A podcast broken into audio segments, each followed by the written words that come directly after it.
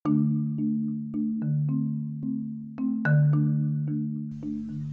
semuanya, Sobat Historian apa kabar nih?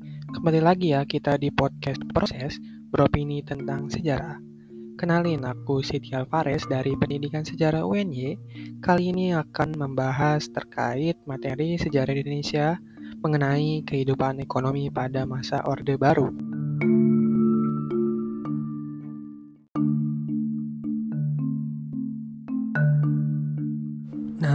Kehidupan ekonomi pada masa Orde Baru ini mewarisi masa sebelumnya yaitu masa Orde Lama, terutama dalam rangka perbaikan ekonomi terhadap permasalahan ekonomi sebelumnya, terutama masalah inflasi yang mencapai 650%, utang luar negeri yang membengkak, kemiskinan, hingga pengangguran.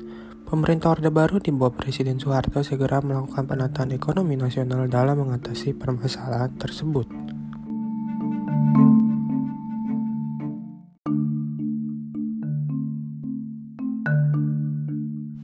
Dalam melakukan penataan pembangunan ekonomi nasional pada masa Orde Baru dikenal dengan slogan pembangunan dan penataan ekonomi pada Orde Baru yang dipimpin oleh Presiden Soeharto ini yang dikenal dengan trilogi pembangunan. Trilogi berasal dari kata tri dan logi yang artinya tiga gagasan pembangunan ekonomi. Nah, tiga gagasan ekonomi yang dibangun dalam pemerintahan Orde Baru ini terdapat tiga pembangunan yaitu yang pertama, pertumbuhan ekonomi yang cukup tinggi. Yang kedua, pemerataan pembangunan dan hasil-hasil yang menuju kepada terciptanya keadilan sosial bagi seluruh rakyat.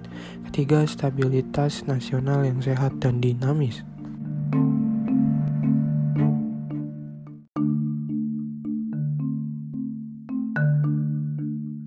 Penataan ekonomi yang dilakukan oleh Orde Baru terdapat tiga konsep pembangunan ekonomi Indonesia, yaitu periode pemulihan ekonomi pada tahun 1966 sampai 1973, periode kedua yaitu periode oil boom tahun 1974 sampai 1982, dan periode ketiga yaitu periode liberalisasi ekonomi pada tahun 1982 sampai 1997.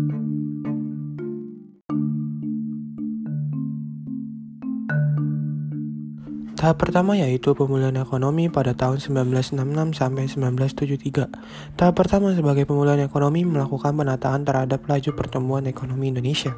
Pada tahap ini, pemerintah Orde Baru mengesahkan Undang-Undang Penanaman Modal Asing yang dikenal dengan UU PMA, diikuti dengan Undang-Undang Penanaman Modal Dalam Negeri UU PMDN pada tahun 1968. Nah, sobat historian perlu diketahui bahwa Tahap ini menandakan awal dibukanya industrialisasi di Indonesia dengan banyak pemodal asing maupun dalam negeri yang berinvestasi di Indonesia. Dampaknya pertumbuhan ekonomi naik cukup signifikan, terutama dalam sektor pertanian memiliki laju pertumbuhan rata-rata naik dari 1,4 persen per tahun selama lima tahun. Kemudian yang kedua, GDP yang berasal dari sektor pertambangan telah melonjak dari 3,7 persen menjadi 12 persen. Dan yang terakhir pada tahun 1970 sampai 1977 tercatat bahwa saham sektor industri dalam GDP meningkat dari 9% menjadi 12%, pertama dalam dasawarsa 1960-an. Nah, kenaikan ini sudah menjadi salah satu perbaikan dan penataan ekonomi dari era sebelumnya yang banyak mengalami penurunan laju pertumbuhan ekonomi Indonesia.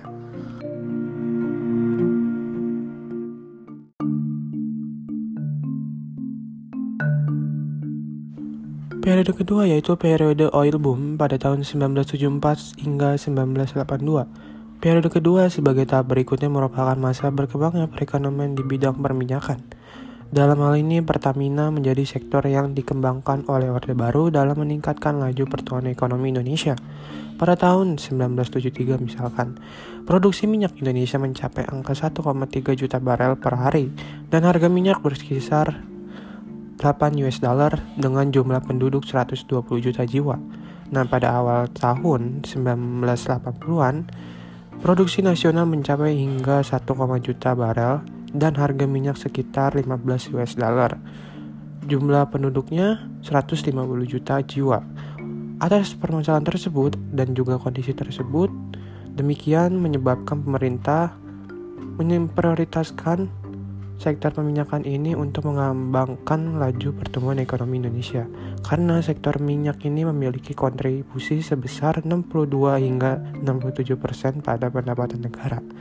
Orientasi pembangunan ekonomi pada tahap ini adalah perluasan kesempatan kerja, distribusi pendapatan, perbaikan struktur pasar, pembangunan daerah, transmigrasi, partisipasi masyarakat yang lebih besar dalam pembangunan, dan perhatian pada sektor pendidikan serta kesehatan masyarakat.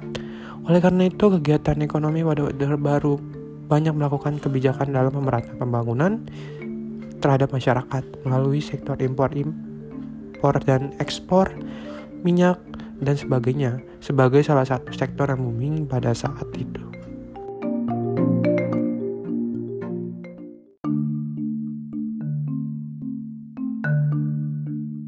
Periode ketiga yaitu periode liberalisasi ekonomi pada tahun 1982 hingga 1997. Tahap ketiga yaitu liberalisasi ekonomi terjadi pada tahun 1982 hingga 1997 pasca kejatuhan harga minyak dunia pada tahun 1982.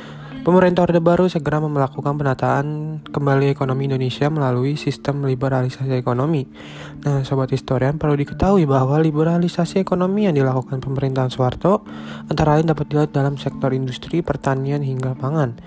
Para pemodal memiliki kuasa dalam menentukan upah buruhnya.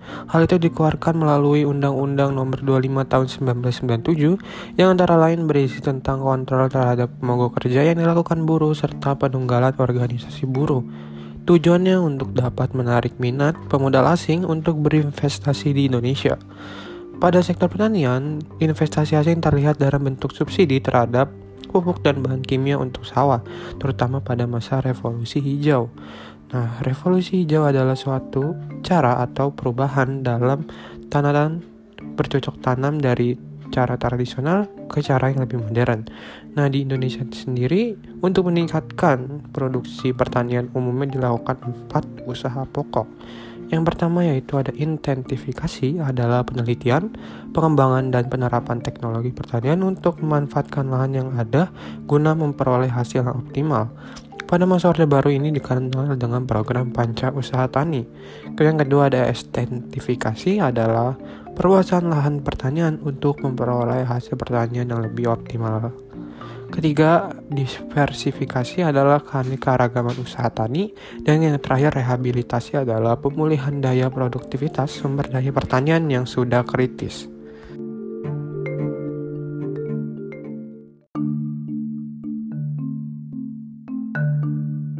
Dampak dari penerapan revolusi hijau bahwa mengantarkan Indonesia pada negara swasembada beras pada saat itu.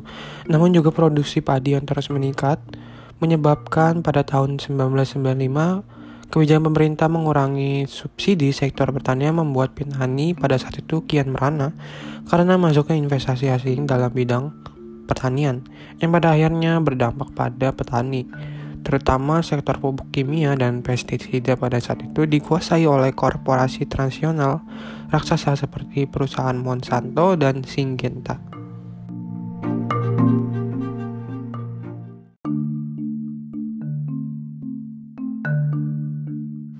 Liberalisasi ekonomi tampak pula dalam kebijakan pemerintah terhadap tepung terigu melalui surat keputusan Menteri Keuangan nomor 81 tahun 1992 yang pada saat itu memberi kewenangan mutlak bagi PT Bogasari Farmi untuk mengimpor dan menggiling tepung terigu dalam negeri. Kebijakan itu telah memonopoli usaha tepung terigu oleh PT Bogasari. Selain itu, PT Bogasari Flomil juga memiliki kekuatan dalam melakukan diversifikasi pada industri hilir seperti perusahaan produk makanan cepat saji dan makanan kecil yang menggunakan bahan baku tepung terigu terutama contohnya seperti PT Indofood Sukses Makmur. Dampaknya atas penguasaan monopoli terigu dan produk turunannya, maka harga yang diberlakukan kadang dilakukan semena-mena yang akhirnya pada saat itu merugikan masyarakat Indonesia pada saat itu.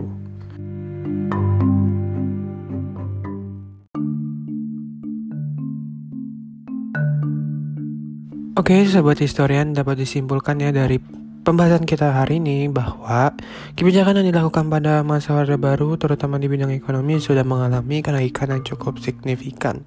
Walaupun memang terdapat dampak negatif terhadap ekonomi menganga ke bawah masyarakat Indonesia pada saat itu. Nah, dari sini kita belajar ya bahwa dalam melakukan liberalisasi ekonomi, terutama yang dilakukan pemerintah, perlu mempertimbangkan lagi beberapa hal seperti buruh, dampak terhadap ekonomi menengah masyarakat, hingga penyediaan tenaga kerja yang kompeten dalam menunjang kebutuhan industri, pertanian, hingga pertambangan. Oke, sekian dari aku Siti Alvarez. Semoga infonya bermanfaat bagi kalian semuanya, Sobat Historian. See you next time, and thank you. Bye.